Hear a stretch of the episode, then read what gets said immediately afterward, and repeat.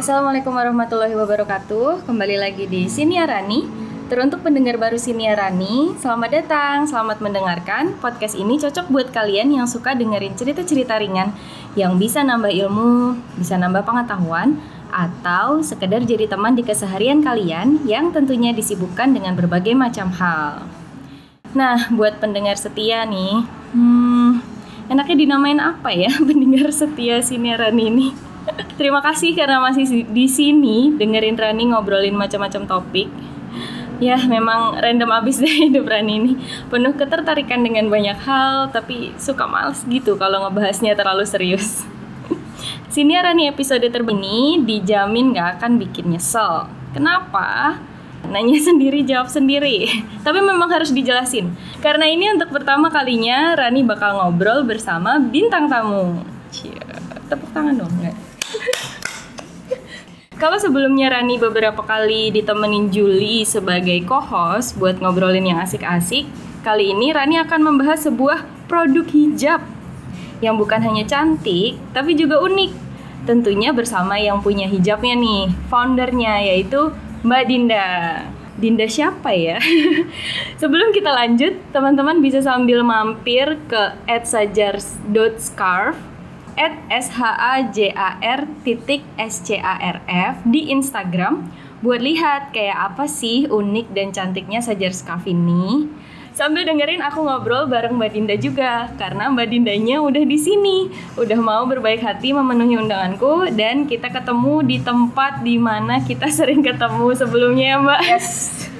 Halo Mbak Dinda, Assalamualaikum. Halo Rani, Waalaikumsalam warahmatullahi wabarakatuh. Apa kabar Mbak Dinda? Alhamdulillah, insya Allah sehat. Rani gimana? Alhamdulillah sehat juga Mbak. Jadi kesibukannya apa Mbak sekarang? Kesibukannya yang pasti kerja, tapi masih shifting WFO, WFH, terus sama juga uh, fokus untuk Sajar Scarf juga ini untuk season-season selanjutnya. Wah, seru banget. Kayaknya udah dipersiapkan banget nih Sajar Scarf-nya. Jadi selama pandemi ini masih shift ya Mbak ya? Kadang Iya, ke kantor, shifting. kadang di rumah. Mm-mm, Oh, ya. betul, Yang penting betul. sehat selalu ya Mbak. Amin, insya Allah. Oh ya, ini FYI aja ya guys, for your information. Aku baru kenal Mbak Dinda ini awal tahun ini, beneran baru tahun 2020 ini. Dan saat itu em, aku lagi sama sekali nggak mengurus podcast ya, sama sekali karena lagi fokus juga sama rutinitas kerja. Bahkan kalau misalnya teman-teman dengerin episode Jeda di awal tahun itu aku masih nggak tahu gitu bakal lanjutin siniarannya atau enggak. Tapi alhamdulillah sekarang malah nih iseng ngajak Mbak Dinda yang super ini buat menjawab rasa penasaranku tentang produk sajar scarf-nya yang keren banget.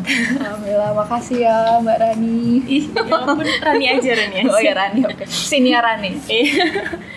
Oke Mbak Din, langsung aja nih ya bisa diceritain gak sih Mbak gimana awal mulanya Mbak punya ide dan mencetuskan sajar scarf ini? Karena kalau aku lihat dari akun Instagramnya baru tahun ini banget ya Mbak. Yes, betul banget. Jadi idenya pertama-tama awal tahun 2019 itu tuh aku berkunjung ke suatu lembaga litbang sebenarnya ya penelitian dan Hmm. pengembangan kehutanan dan di situ aku ngeliat gitu ya diberikan kesempatan untuk melihat karya hasil hutan di situ ada produk pintu terus habis itu Hmm. ada kursi lemari nah salah satunya ada kain yang bermotif anatomi kayu. Nah, di situ tuh aku tertarik banget ngelihat itu, wow, ini banget ya, bagus banget gitu. Terus entah kenapa dosen aku bilang pada saat itu, ih bagus nih Dinda kalau misalnya kamu eh, bisa juga bikin pada saat itu aku pakai gamis gitu. Iya, Terus iya. bilang mungkin bisa dijadiin motif eh, baju kamu tuh gamis kayak gitu. Terus aku langsung Oh iya juga ya Bu kayak gitu. Itu Iya. awal tahun 2019 Januari. Nah, Nah, terus habis itu lambat laun lambat laun akhirnya oke deh eksekusi udah gitu. Soalnya Betul. aku juga pengen banget eh, memulai untuk eh, menjadi business woman ceritanya. oh, Yes. momentpreneur. betul betul betul. Yes, yes, Iya, iya, gitu. iya. Jadinya ya udahlah Bismillah. Dimulai dari hal kecil, Bismillah. Mulailah aku susun awalnya kayak sejenis apa ya? Mm, brief gitu atau bikin konsep ya? Yes, konsep. Terus oke deh setelah itu cari-cari, hunting kain apa sih, harganya berapa, pasarnya ke mana, Betul betul. gitu. Terus ya siapa yang bantu aku dalam mendesain kayak gitu-gitu. Hmm, Charity. Yes, market charity. research. Hmm, Keren keren keren. Gitu sih. Terus memang baru bisa tereksekusinya bener-bener uh, launching tahun ini karena memang kan aku nggak apa ya nggak free free banget Iya, ya jadi maksudnya fokus di sini. Iya, jadi kan kerja juga gitu ya kerja Betul, juga betul. jadi uh, selama tahun 2019 itu itu masih kayak konsepan-konsepan uh, sempat ganti nama juga Hmm, terus habis itu nama. barulah karena ada pandemi COVID-19 ini nih positifnya buat Dinda adalah Dinda bisa launching produk saja Allah, kita lihat positif side-nya Yes, ya Mbak. ya. betul. Alhamdulillah Bisa lebih uh, lama di rumah. Iya. Kayaknya aku juga gitu deh waktu podcast ini. akhirnya mulai lagi karena ya akhirnya punya waktu gitu buat Iya, nyiapin, benar. buat Uh-uh. um, apa ya, membuatnya nggak nggak cuman bikin-bikin aja gitu nggak sih Mbak? Bener-bener dikonsepin gitu ya. Betul, luar biasa. Jadi idenya berawal dari um, sebuah pameran ya. Uh, nggak Oke, pameran kalau juga sih, dibilang- kunjungan. Kunjungan. Jadi Kunjungan. emang di sana ada Ada tempat Uh, untuk memamerkan memamerkan produk-produknya. produk itu yang memang itu buat buatannya si uh, lembaga litbang Yes, itu betul. gitu gitu guys jadi berawal dari Hmm. bagaimana uh, kita mem, apa ya namanya uh, implementasikan. eh, mengimplementasikan ya mengimplementasikan ilmu kita di sesuatu yang kita senangi gitu nggak sih Iya, betul betul. Oke. Uh, terus Sajar Scarf ini punya Mhm. tagline Mhm. Form Botanical Illustration for the Beauty Muslimah. Yes, betul. Nah, berarti di sini kan Mbak pakai botanical art- artinya Mbak pakai tanaman ya sebagai Mm-mm, motif gitu. mm-mm. Alasan Mbak Dinda milih tanaman sebagai motif tuh apa sih? Apa karena mungkin ada hubungannya dengan keilmuan atau jurusannya waktu kuliah ya? Iya sih, of course. Salah satunya itu dan salah duanya, salah duanya itu memang sempat terpikir kita tuh nggak begitu familiar dengan nama-nama ilmiah iya tanaman tuh. kehutanan. Ya Allah. Eh, misalnya nih, kamu tahu nggak Oriza sativa itu apa? Jagung? Eh, beras. Eh, Ya, ya. beras kan Aku suka tadi. kebalik nah, sama oh iya, Zea Zemas, Mace. iya. Nah, itu familiar kan? Iya, iya, Eh, benar, Nah, kalau gua tumbuhan belajar dulu. tuh kalau tumbuhan kehutanan belum begitu familiar nih di Iya, masyarakat halayak. Jadi eh, cobalah untuk mengimplementasikan dalam bentuk scarf ini terus saya dimasukkan lah informasi entah itu dia habitatnya seperti apa, manfaatnya Hmm. apa, tapi kita juga eh, masukin nama ilmiahnya meskipun belibet. Tapi kalau misalnya kita terbiasa untuk Iya. membaca, melihat apalagi tuh tulisannya dibuat bagus gitu ya. Hmm, orang jadi tertarik. Tertarik, Dan gitu. dan apa ya? Mungkin sekarang ini produk hijab banyak gitu nggak sih, Mbak? Mm-mm. Tapi yang bisa ngasih kita value tuh Mhm. cuman beberapa gitu Iya. kan. Maksudnya di sini Mbak um, membuat sajar scarf ini nggak cuman produk hijab, tapi juga tadi from botanical illustration. Jadi ada unsur ilmu botanicalnya betul kan? Yes, betul, betul, betul banget, betul banget. Dan kebetulan di silviculture ini, Hmm. eh, ini kan nama lainnya budidaya hutan. Nah, di sini tuh Ah. ada ilmu namanya dendrologi. Kita Dendrologi. Yes, dendro itu pohon, ilmu pohon. Jadi kita benar-benar kayak mempelajari bentuk tulang daunnya, Ah, eh, terus ya rantingnya seperti apa, percabangannya. Hmm. Nah, dengan ilmu itu juga menjadi dasar bahwa yang kita masukkan jadi motif scarf itu benar-benar yang kita pelajari dulu. Kita tahu tulang daunnya seperti apa, terus ya eh, buahnya bentuknya seperti apa. Jadi kita masukin lah ke situ. Iya betul. Jadi nggak cuman mencatut nama aja biar orang penasaran, tapi di situ Mbak juga benar-benar karena belajar ya melalui em, mata kuliah atau Iya, ya, mata kuliah, betul. dendro- dendrologi itu jadinya kita nggak cuman tahu namanya, tapi juga tahu bagaimana strukturnya. Iya, gitu ya, betul, betul, betul. Nice banget. Nah kali ini aku mau spoiler. Baik. Aku mau sebutin beberapa spesies tanaman yang jadi motif sajar scarf ya, yang udah launching ya Mbak ya. Ah, Eh, bukan spoiler berarti ya karena udah launching. Sekalian refresh lagi cara aku baca binomial nomenklatur nih. Iya, iya. Udah latihan sih kemarin. aku mau baca cepet sih. iya. Soneracia cassiolaris betul nggak? Kasiolaris. Cassiolaris. Ah. Bauhinia purpurea. Mhm. Oh ya tadi yang pertama itu, eh, kita nggak usah bahas satu-satu jadi kayak Enggak, kuliah. ya, ya. Nggak, nggak Gak usah, gak usah. gak usah. Oke. Biar penasaran, biar Iya biar penasaran bisa langsung cek sendiri pohon apa itu. Iya. Aegiseras cordiculatum Yes. Eusidor eh, Eusideroxylon zoageri. Uh-huh. Dipterocarpus litoralis. Iya, yang aku punya, Cie. Iya iya, makasih udah punya memilikinya. Driobalanops aromatica. Mhm. Nah, itu jadi ada enam guys yang udah launching. Kalian bisa lihat sendiri kayak apa itu jilbabnya. Mungkin bisa diceritain sedikit nggak sih Mbak tanaman yang dipilih ini tuh atas dasar apa gitu? Oke. Kalau yang aku lihat, oh, sorry, Aha. sebelumnya kalau yang aku lihat di tiga pro, tiga motif terakhir itu karena em, statusnya yang udah mulai langka gitu ya. Iya betul. Jadi ya ini kan kita season seasonan ya. Season 1 kita ngeluarin tiga motif. Itu ada Soneratia, Bauhinia, sama Ageseras. Itu sebenarnya Soneratia sama Ageseras itu adalah tumbuhan mangrove yang sebenarnya itu juga nggak begitu familiar di halayak ramai. Hmm. Eh, jadinya pengen memperkenalkan lah tumbuhan di mangrove tuh banyak loh manfaatnya. Iya, aku cuma tahu mangrove aja. Iya kan? Gak tahu yang di dalamnya tuh apa aja gitu ya kan? Ya Allah, Apalagi yang Soneratia ini ya ampun cantik banget buahnya, bijinya Hmm, kayak dari gitu. bunganya aja cakep. Iya. Kalau bau hinia ini bunga kupu-kupu sebenarnya itu sudah banyak sih kita sering lihat Hmm. di mungkin di komplek di di UI juga ada loh. Oh iya. Oh, oh, banyak banyak banyak di eh, sebelah mana? banyak Mungkin aku sempat ngeliat di yang Oh, iya, kita yang pertama kali UI. mas eh, halte dekat halte UI di situ ada Oh, yang daunnya panjang bukan sih? daunnya kayak kupu-kupu Oh, Oke, nanti aku Makanya- jalan lagi Iya, makanya dibilang bunga kupu-kupu gitu. Nah, oke, oke. itu yang pertama, yang season 2 seperti tadi Rani bilang, Mm-mm. itu memang kita mau memperkenalkan tanaman atau tumbuhan yang sudah langka di Indonesia supaya ketika kita tahu tumbuhan itu langka, jadi kita aware eh, tumbuhan-tumbuhan inilah yang harusnya dilestarikan gitu. Nah, em, gini, to make it clear ya guys, Mhm. episode ini tuh bukan ada karena Mbak Dinda yang minta guys, bukan Mbak Dinda yang mau promoin produknya di di sini Rani. ya karena followersnya juga banyak kan Sajar Scarf. Tapi ini tuh karena aku beneran kepo, jadi em, apa ya? Karena aku lihat tuh ada pesan yang ingin disampaikan di balik em, Mhm. munculnya produk Sajar Scarf Mhm. ini dan kalau misalnya aku cuman DM DM-an gitu sama Mbak. Dinda, aku tanya Mbak itu kenapa begini-begini, jadinya cuman aku yang tahu. Iya bener-bener gitu maksudnya aku bisa aja kayak cuman ngobrol sama Mbak Dinda nanya uh, men- menjawab kekepoanku gitu. Cuman jadinya menurut aku pesannya jadi tidak tersampaikan gitu sih. Dan aku pengen kekepoanku ini juga bisa jadi salah satu yang memfasilitasi orang buat tahu tentang sajar scarf ini.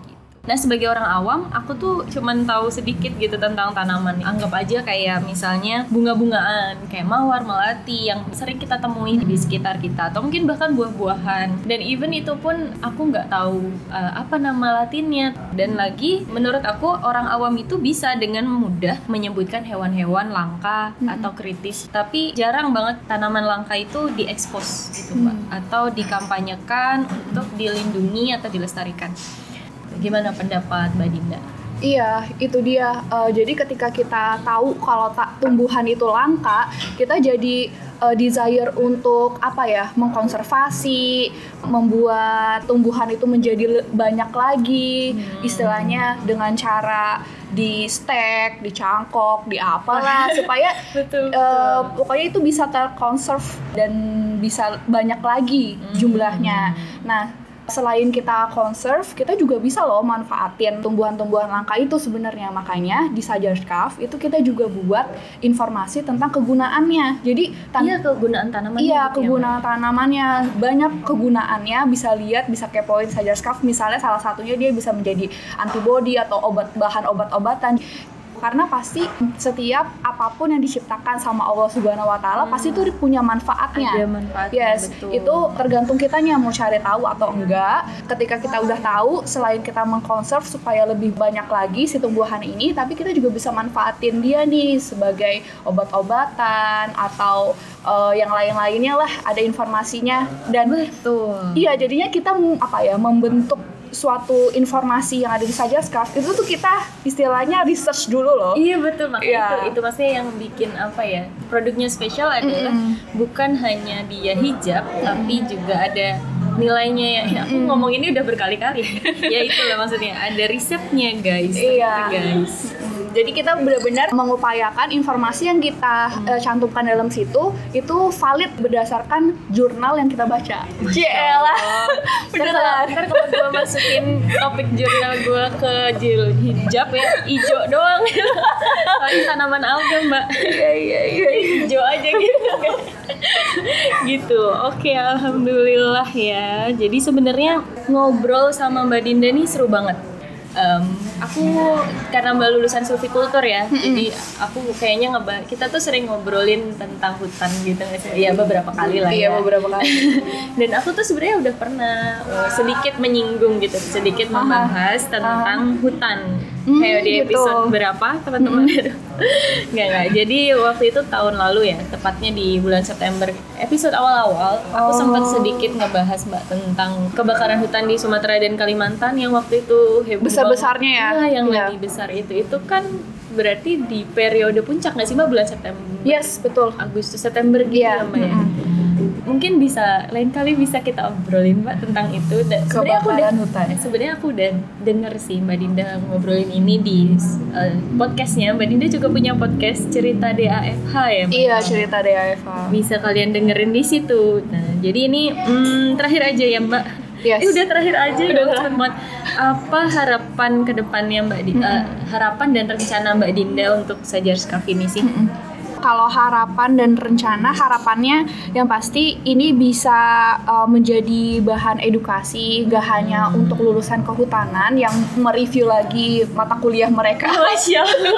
tapi untuk Oke, yang oke. non kehutanan juga ya. gitu, untuk ke yang non kehutanan juga supaya lebih aware karena kita kan Indonesia itu mega biodiversity ya, jadi kita nggak bisa lepas dengan yang namanya tumbuhan-tumbuhan kehutanan sebenarnya Hmm. gimana caranya supaya kita bisa merawat itu supaya sustainable kalau misalnya kita nggak tahu informasi tentang pohon-pohon yang ada di dalam hutan istilahnya Hmm. ya kan nah Iya, jadi iya, itu iya. harapannya kita Sem- edukasi ya gitu Hmm. selain itu harapannya juga nanti kalau misalnya ke depannya bisa lebih besar lagi ini sebagai ajang eh, kita mengeksplor diri berinovasi generasi-generasi muda pen- penerus bangsa Indonesia ya kan Oh, Masya Allah. Iya, jadi kita yang diberikan kesempatan untuk beredukasi tinggi, Iya, ya kita betul. harus banyak-banyak berinovasi. Jadi Jangan sampai kita yang Oh. diberi kesempatan buat belajar tuh diem-diem aja. Iya, ha-ha, Sayang karena banget. kita yang punya ilmunya,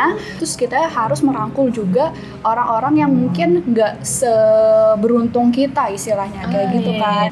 Nah selain itu rencana ke depannya memang mau supaya lebih besar lagi nggak hanya scarf, tapi mungkin nanti bisa baju-baju ada ada kepikiran baju-baju lapang ke ke, ke hutan sih. Eh, ya Allah, Masya Yes. Jadi Jadi eh, untuk OOTD buat- iya. kayak gini loh. kalau ke lagi pakai apa tadi namanya ya Allah aku Oh. lagi lagi pakai sonerasia Casiolaris loh Iya, apa tuh oh, jadi iya. ngobrol tentang tanaman ya daripada ngobrolin orang Yes betul, gibah ya Allah.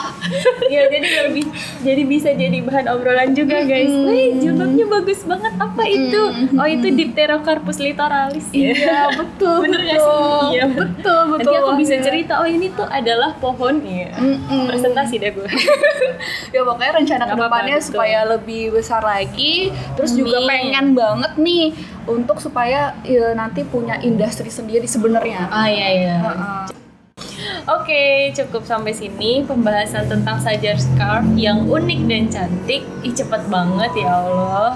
Em, semoga ke depannya nanti em, sajar scarf bisa lebih besar, bisa benar-benar mencapai tujuannya untuk mengedukasi masyarakat, selain Amin. juga supaya bisa terlihat fashionable tapi tetap syari nggak sih mbak karena ini em, cukup besar ya 120 Iya. kali 120 cm ya. Nah yang tadi dengerin siniaran nih tapi belum mampir ke IG-nya bisa langsung cek IG-nya Sajar Scarf yang tadi udah aku sebutin. Langsung kepoin aja, jangan tunda-tunda. Nanti keburu ada motif baru susah ngafalin ya. yang lalu harus dihafalin dulu 6 tadi guys. soalnya syarat untuk membeli eh, saja scarf ya itu harus pakai nama Latin loh Mau beli yang mana? Yang itu yang biru. yang apa mana? nama Latinnya harus nyebutin dulu. Itu yang merah, yang merah nggak bisa ya. Harus, Nggak bisa. harus pakai namanya guys. Iya. Ada pesan lagi dari Mbak Dinda tambahan mungkin? Hmm, Mau cerita tentang yang lain nggak? enggak enggak Sesi enggak. curhat nggak? enggak enggak pesan penutup mungkin ini sih kayak mungkin kita yang punya ide udah langsung laksanakan Bismillah dengan adanya bantuan Allah Insya Allah eh, inilah lancar ke depannya jadi apa pun ide-ide itu untuk berinovasi eh, langsung aja dilaksanakan Eksekusi. yes Iya. betul Karena kalau cuma di angan-angan jadinya halusinasi. dan kita juga nggak pernah tahu ya umur kita sampai Ah, kapan itu itu sih itu penting banget karena ketika kita mengingat itu ya Mbak, kita jadi berusaha untuk benar-benar memanfaatkan waktu kita Iya. eh, semaksimal mungkin untuk hal-hal yang eh, Bermanfaat. bermanfaat itu. Oke, sukses selalu buat Mbak Dinda dan tim Sajar Skafnya. Amin, insya Allah. Besar tadi. Terima kasih. Em, makasih udah nyempetin buat Aha. ngobrol jauh-jauh ke sini Iya. buat nemuin Rani. Ya ini perdana banget aku wawancara orang, ya ampun. Aku tuh eh, tadinya mikir wah ini bakalan rame nggak ya tempatnya gitu karena aku malu kalau ngomong. Oke gitu aja. Em, sampai jumpa di episode sini Rani berikutnya. Wassalamualaikum warahmatullahi wabarakatuh. Makasih Mbak Dinda. seru seru seru